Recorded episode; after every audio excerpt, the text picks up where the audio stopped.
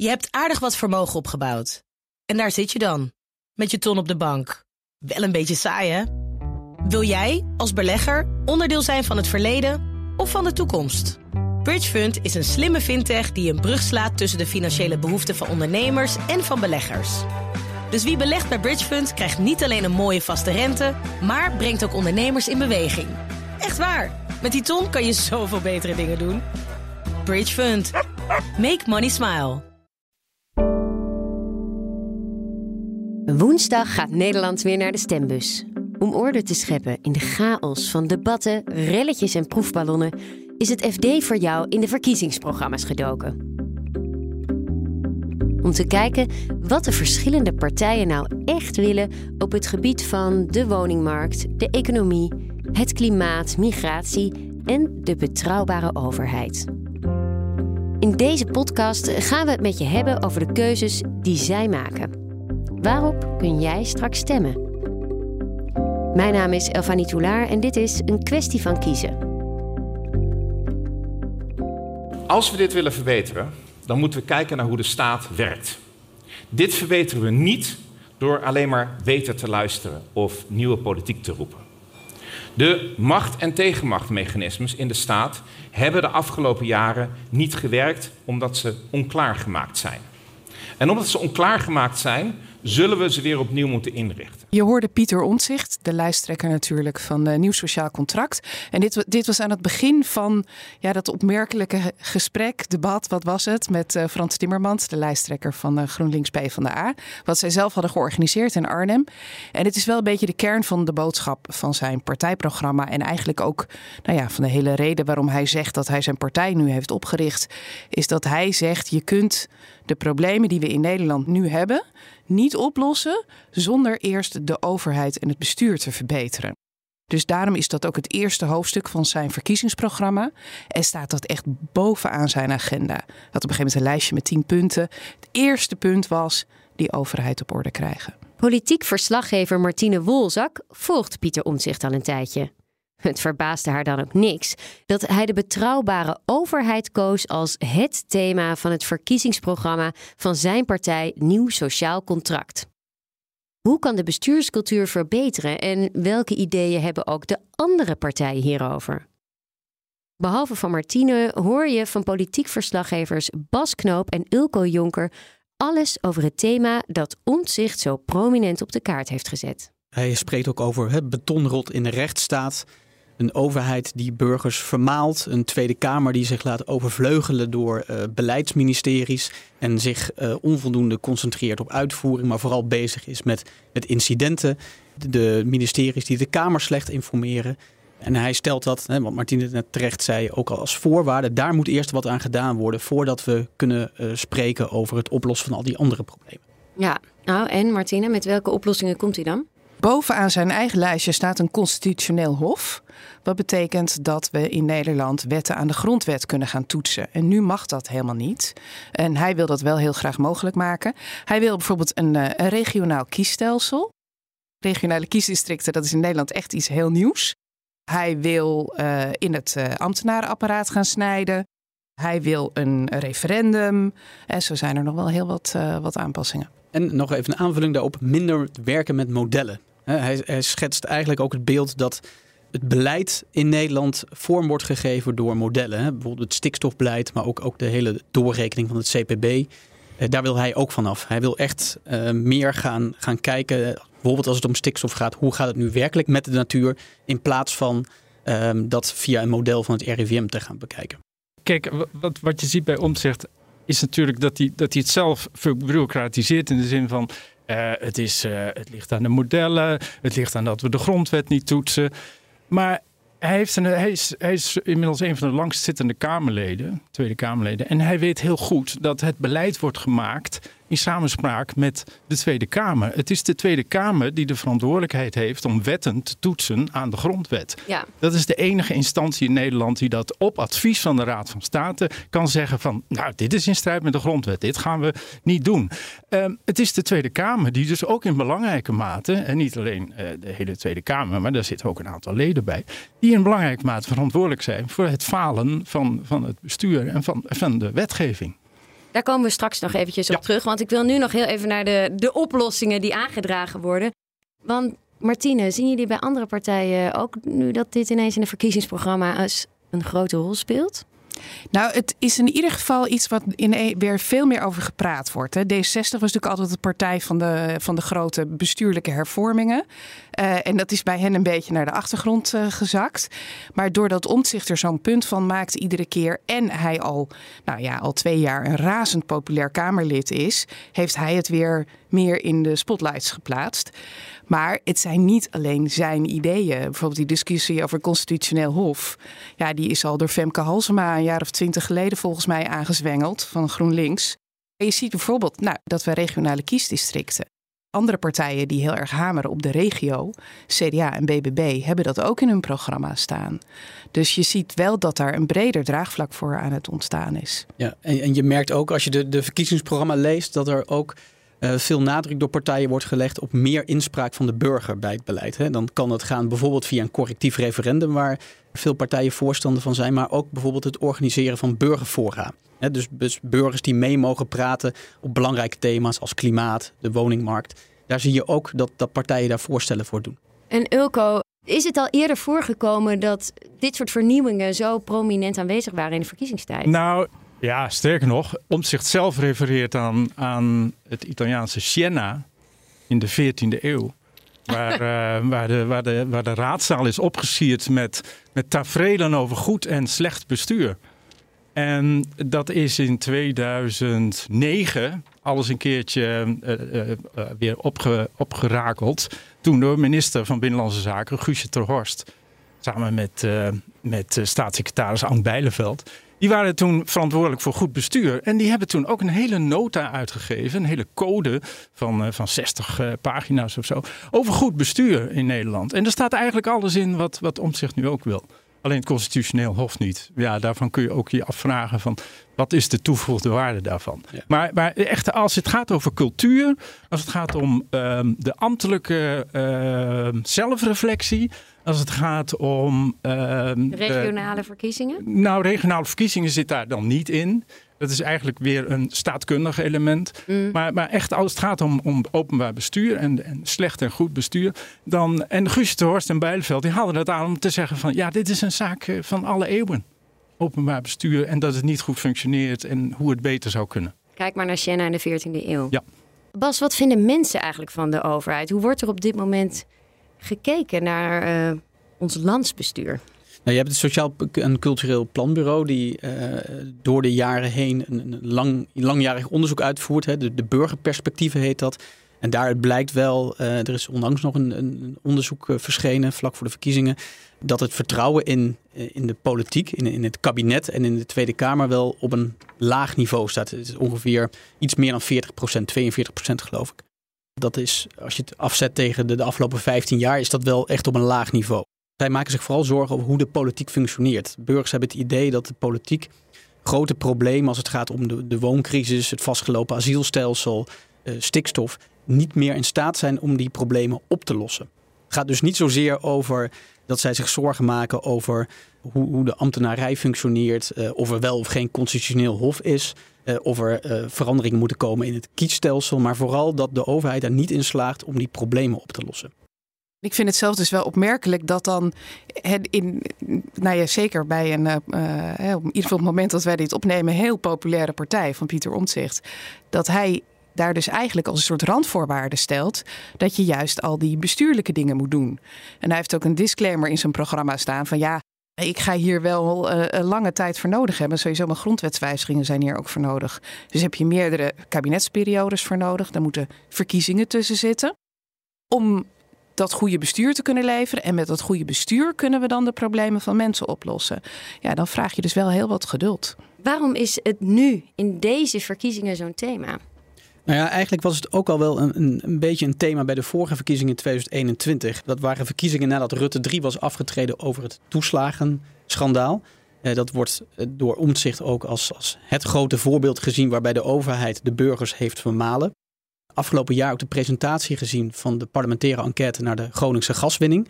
Waar ook eenzelfde soort conclusie werd, werd getrokken dat te lange tijd de overheid geen oog had voor de veiligheidsbelangen van burgers die daardoor in de knel zijn gekomen. En bij het aantreden van Rutte 4, het inmiddels gevallen Rutte 4, spraken die vier coalitiepartijen ook al de ambitie uit om de relatie met burger te verstevigen, om uh, het bestuur menselijker te maken, minder technocratisch te maken. Dat is niet gelukt, uh, mede ook omdat het kabinet er maar vrij korte tijd gezeten heeft. Dus je ziet dat eigenlijk die, die, dat, dat campagnethema van 2021 nu wederom terugkeert, omdat die problemen, onder andere met de afwikkeling van Groningen en de toeslagaffaire, nog altijd niet zijn opgelost. Uh, toch, uh, Ulko, gaat het al heel lang over, de, over het functioneren van de overheid. Functioneert die eigenlijk wel zo slecht? Ja, ik heb, ik heb even wat cijfertjes erbij gezocht. De dienst toeslagen die betaalt dit jaar 7,8 miljoen toeslagen uit met een waarde van 19 miljard euro. Er zijn 6 miljoen uh, huishoudens, die, uh, 9 miljoen mensen die zo'n toeslag ontvangen. Dat gaat probleemloos meestal. Uh, de Sociale Verzekeringsbank, 5,6 miljoen uitkeringsontvangers, AOW, hoor je nooit iets over. Um, UWV, werkloosheid en dergelijke uitkeringen, 1,1 miljoen ontvangers, 20 miljard, gaat ook vrijwel probleemloos. Bedoel, natuurlijk zijn er altijd hiccups. Maar wat we, wat we ook wel een beetje. Als je, als je kijkt naar de discussie die nu door omzicht wordt, wordt aangejaagd. Is ja, hij is ook een beetje de vorige oorlog aan het, aan het voeren. Um, er gebeurt een ontzettend veel in de overheid. Ook om, om, om de integriteit te vergroten, om het vertrouwen, om, om de efficiëntie te vergroten. Dus in die zin vind ik, het, vind ik het altijd een beetje lijken op. Ja, je hebt het eten laten aanbranden, dus we moeten de keuken weer gaan verbouwen. Ja. En dat is, dat is denk ik, het, het, de overheid functioneert voor een groot deel, als het in de uitvoering gaat, best wel goed. Maar als het over het beleid gaat, dan is, eh, dan is vaak het, eh, het grote probleem. En dat blijkt ook uit internationaal onderzoek. De Nederlandse overheid is een van de, van de best functionerende uh, van de rijke landen. Behalve als het over beleid gaat. Beleid, daar, daar zitten we ongeveer op de helft van wat de rest van West-Europa doet qua scoren. In de partijprogramma staan nu allerlei concrete oplossingen die deze, dit wantrouwen en deze problemen, dit wantrouwen moeten oplossen en de problemen moeten voorkomen. Het zijn veel structuuroplossingen. Had bijvoorbeeld een constitutioneel hof, Martine, had dat nou een toeslagenaffaire kunnen voorkomen? Ja, nou ja, zo'n zo'n what-if-vraag is natuurlijk altijd heel erg lastig. Maar als je terugkijkt naar zowel naar die toeslagenaffaire als naar Groningen. En, uh, trouwens ook uh, Boeks 3, waar uh, de vermogensbelasting, waar Omtzigt ook aan refereert. Ja, dat daar mankementen aan in die wetgeving zaten. En dat er dingen fout zouden kunnen gaan. Dat is eigenlijk bij de politieke besluitvorming echt wel op tafel gekomen. Dus daar is een bewuste politieke keuze gemaakt om het te doen zoals we het hebben gedaan. Daardoor twijfel ik zelf een beetje of je dat met een structuuroplossing ondervangt. Of dat het toch meer zit in het politieke ambacht en hoe de Tweede Kamer zijn werk doet. Het gaat denk ik ook meer om de, uh, de politieke houding. Hè? Als je kijkt naar, naar Groningen bijvoorbeeld, naar, naar de slechte stikstofwetgeving, daar is toen de Kamer daar besluiten over nam om bijvoorbeeld door te gaan met de gaswinning, eh, of het inmiddels afgesloten stikstofbeleid aan te nemen. Er zijn destijds ook al voldoende experts geweest die hebben gewaarschuwd van doe dit niet, want dit gaat fout. Of let hierop, want hier komen veiligheidsbelangen van burgers in het geding. Het is een politieke keuze geweest om dat beleid toch door te zetten. Dus de vraag is of je met structuuroplossingen slechte wetgeving gaat voorkomen. Of dat het meer toch zit in ook een stukje politieke houding en politieke cultuur. Wat denk jij, Ulko? Zou zo'n constitutioneel hof uh, toegevoegde waarde kunnen hebben, misschien op een andere, op een andere manier? Nou, je kunt, je kunt natuurlijk altijd van een constitutioneel hof kun je, kun je een soort panacee maken voor, voor alle, alle problemen. Maar zoals Martien en Bas terecht zeggen, hier zit voor een groot deel een, een, cultuurprobleem. En niet zozeer een cultuurprobleem met de Rijksoverheid. Hoewel je daar ook nog nodig over kunt zeggen. Maar ook een cultuurprobleem in, in, in de Tweede Kamer. En, en dat is, dat is denk ik, als je kijkt naar de intenties, dan zijn dat altijd de beste bedoelingen. En dat, dat geldt hetzelfde eigenlijk voor, voor, voor regeringen. Ze doen alles met de beste bedoelingen en stapelen daardoor maatregel op, op maatregel om een probleem op te lossen, waardoor je in een kluwe terechtkomt waar vervolgens de uitvoering niet mee aan, aan, uh, uit de voeten kan. Ja. Dat is, dat is wat, je, wat je iedere keer ziet. Dus tuurlijk, je kunt altijd naar structuuroplossingen kijken. En ik denk dat er het nodige te verbeteren valt. Maar dat is niet de panacee. Ik denk dat er ook nog speelt dat bij de, hè, de vorige verkiezingen, waar Bas het ook over had, toen ging het nog heel erg over nieuw leiderschap. Rutte was toen opnieuw kandidaat, terwijl hij was, wel was afgetreden. Nou, de hele beruchte 1 april debat hebben we natuurlijk ook nog gehad. Ja, dat nieuwe leiderschap is bijna nu als vanzelf gekomen. In de zin dat het nieuwe gezichten aan de top zijn. Het zijn geen nieuwe gezichten in Den Haag, maar wel nieuwe gezichten aan de top van die partijen. Dus daardoor is het denk ik, gaat de discussie dan ook weer wat sneller over structuren dan over personen. Want ja, die personen, dat, dat, dat frisse verfje, dat zit erop.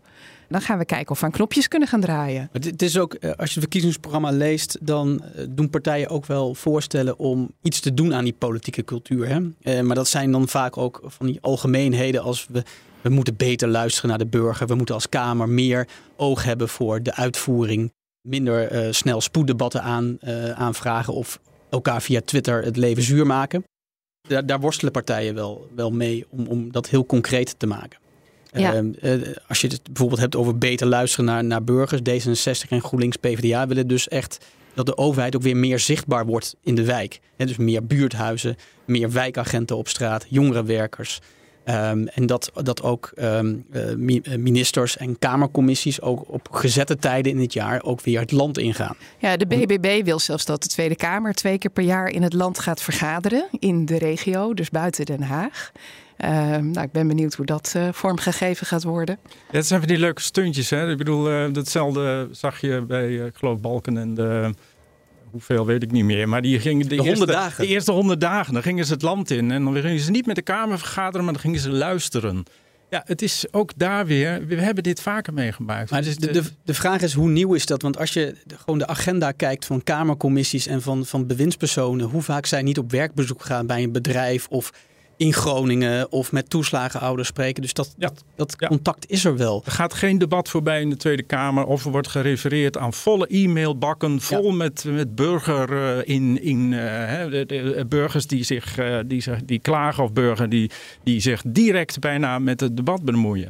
Concreet voorbeeld. Hugo de Jonge die zat tijdens een debat op zijn telefoon te kijken. Terwijl hij achter het spreekgestoelte stond. Dat is trouwens ook een ergernis, hè, dat telefoon kijken. Als je het over politieke cultuur hebt. En toen werd hem gezegd van... Ja, u heeft zeker nu net een, uh, een boos mailtje of berichtje gekregen van een burger. En toen zei hij dus, ja, dat klopt. En is hij dat gaan voorlezen. Als je het hebt over de uitvoering, dan wordt ook vaak wel gewezen dat het versnipperde politieke landschap, waardoor hè, er zijn steeds meer kleinere fracties die uh, al die dossiers moeten bestrijken. En daardoor uh, ja, minder oog zouden hebben voor die uitvoering. Dus partijen doen in hun verkiezingsprogramma ook wel voorstellen om daar iets aan te doen. Bijvoorbeeld meer inhoudelijke ondersteuning uh, van Kamerleden.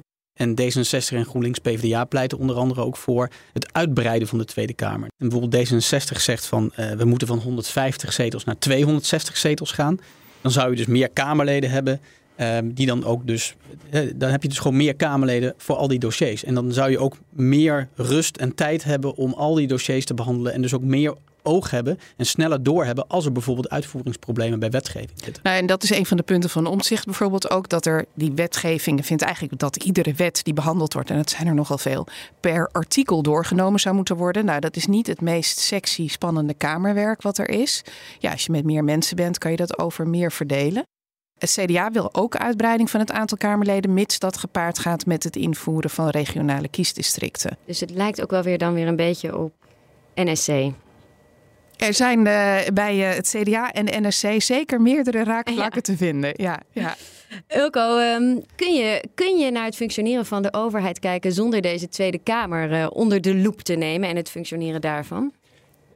Nee, dat kan denk ik niet. Um, even aansluitend op, op, op wat Martine zegt.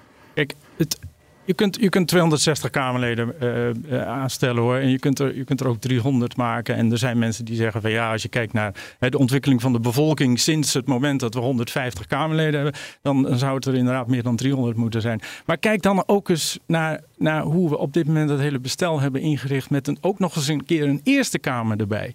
Ik bedoel, we hebben straks een BBB die bijna uh, ja, gehalveerd wordt in ieder geval ten opzichte van, uh, van maart. Maart notabene, hè? Het is een paar maanden geleden nog Ze staan er niet goed voor. Nee, precies. En die dan straks nog steeds 16 zetels in de Eerste Kamer heeft.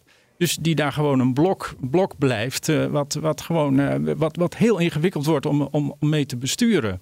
En dat is, dat, is denk ik, dat is denk ik een van de redenen waarom je zou moeten zeggen van nou, ga in ieder geval ook kijken naar, naar die Eerste Kamer. Het is een oude wens van D66 overigens. Staat nu weer in het programma. daar, hoort, daar hoort het ook volgens ja, mij. De PVV wil hem afschaffen. Ja, gewoon afschaffen. Ja, en het CDA zegt koppel het los van de Provinciale Statenverkiezingen uh, en uh, ja. kies hem om de drie jaar de helft. Ja, dat zijn allemaal van die, van die cosmetische oplossingen waarvan ik denk... Ga, ga gewoon de fundamentele discussie over het bestaansrecht van de Eerste Kamer aan. Zeker nu de Eerste Kamer steeds verder gepolitiseerd is. En in feite een, een soort hindermacht is ten opzichte van de Tweede Kamer. Of in ieder geval dat dreigt te worden. Maar goed, dat even terzijde. Maar die Tweede Kamer is, is denk, ik, uh, denk ik de crux in het, in het hele verhaal. En of je nog 150 Kamerleden hebt of 225. Ze moeten, ze moeten ook uh, in die zin de, de overheid en de, en, en de regering controleren dat ze weten wat er, wat er speelt. En dat weten ze meestal wel. Dus, dus het probleem is daar ook ja, de, de manier waarop er in Nederland wordt bestuurd. In de zin van uh, het overleg binnen coalities. Coalities die de, die de dienst uitmaken. Uh, dat, dat kan wel wezenlijk veranderen nu hoor. Daar een, een doorbraak kan komen. In de zin van dat je die coalitiedwang en, en, en, het, en het doof blijven voor, voor de oppositie. Dat dat wel gaat veranderen. Ja, Omtzigt heeft daar een, een oplossing voor. Van, hij is een voorstander van een minderheidskabinet. Dus dat je veel, uh, veel meer ruimte krijgt voor debat in de Tweede Kamer. En dus ook met partijen kunt regeren die ideologisch veel dichter bij elkaar staan. Ja, hij wil dat dan ook bijvoorbeeld aanvullen met vakministers. Dus mensen die er niet zozeer namens een partij zitten, maar vanuit hun expertise. Ik ben zelf wel dat ik denk van als je kijkt naar hoe dat uh, is gegaan, bijvoorbeeld rondom de algemene politieke beschouwingen dit jaar, het belastingplan dit jaar ja, er was natuurlijk eigenlijk ja, er was geen kabinet meer.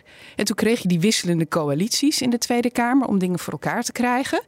Nou, ik denk dat er toch heel, heel veel mensen daar een beetje naar kijken van dit is eigenlijk niet voor herhaling vatbaar. Want wat uh, viel jou daarbij op? Nou, het schoot alle kanten op. 1,2 miljard willen we uit het groeifonds halen om de accijns te verlagen. Aan de andere kant wil links het minimumloon verhogen. En daar komt dan een belasting op inkoop eigen aandelen voor. En dat ging allemaal in een tempo Terwijl de hele tijd juist onder andere omzicht zegt: zorgvuldig, zorgvuldig, zorgvuldig, rustig eerst evalueren. En hij zelf heeft zich daar ook schuldig aan gemaakt. En met zijn voorstel om de expertbelasting te versoberen. Dat je niet meer uh, vijf jaar lang 30% belastingvoordeel hebt, maar in stapjes. Ja, dat zou nog geëvalueerd gaan worden. Die evaluatie was al afgesproken.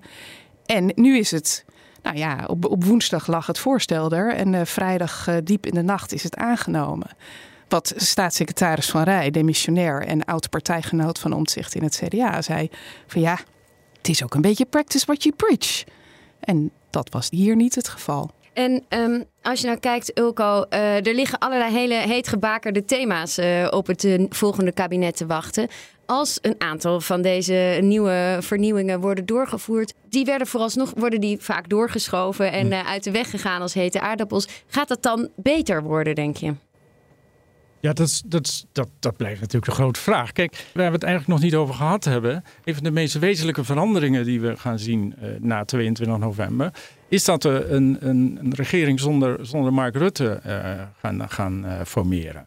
En dat is natuurlijk. Mark Rutte is een beetje het, het etiket, het, het aureool geweest van, van onder andere Pieter Omtzigt's kruistocht tegen die, die slecht functionerende overheid. Dat is allemaal de schuld van Rutte.